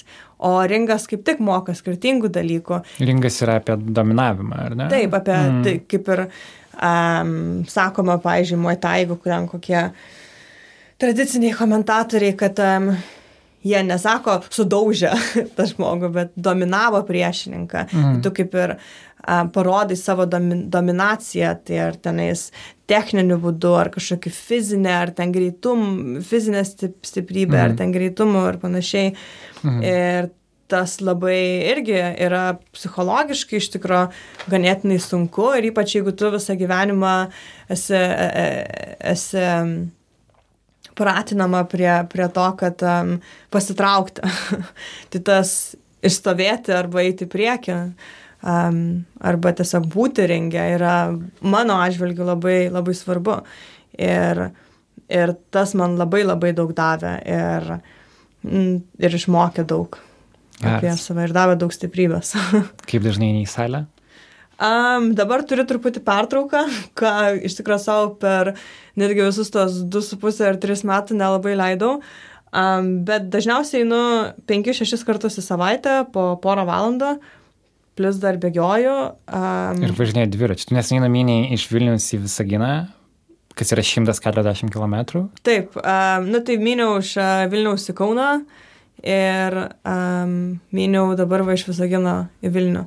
Aha. Bet um, taip, manau, kažkur 80 km supratau, kad uh, priežastis, kodėl aš uh, minu, kad yra, žinoma, ir pamatymas vietovių, nu, bet kaip, jeigu tu plentų važiuoji, tai tos vietovės, aišku, keičiasi ir matosi, bet, nu, tu dažnai kelias sukoncentruoji, bet, um, bet būtent tas jausmas, kaip, ir iš tikrųjų čia ir susijęs su muitai, kodėl aš gal net ir pradėjau, kad uh, momentais, ne visada tai būna, bet momentais tas galvos tuštuma ir susikoncentravimas būtent į tą veiksmą, ką tu darai, yra wow, ta prasme, nereali meditacija. Ir man būdavo, gal dabar mažiau tiek negu anksčiau, bet pradžioj, kaip aš tik, tik pradėjau eiti vieną kartą ar du kartus į savaitę, ir man gal buvo ganėtinai sudėtingas periodas gyvenime, tai būdavo viena valanda toj savaitėj, kur aš nieko negalvodavau, aš būdavau tuo momentu, toj vietoj su priešininku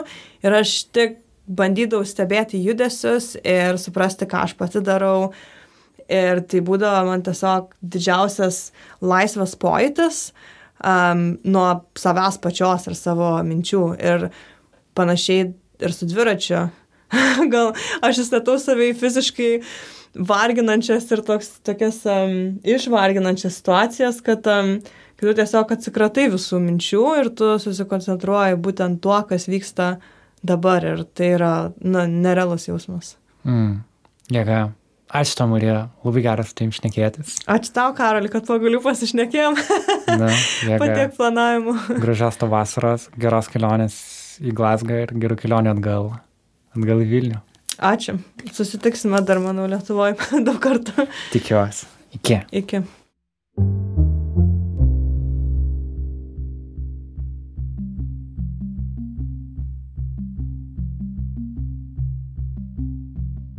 Ačiū visiems, kurie buvo kartu. Girdėjote interviu su menininkė ir Muay Thai kovotoja Marija Nemčenko. Su ja kalbėjausi aš Karolis Višniauskas.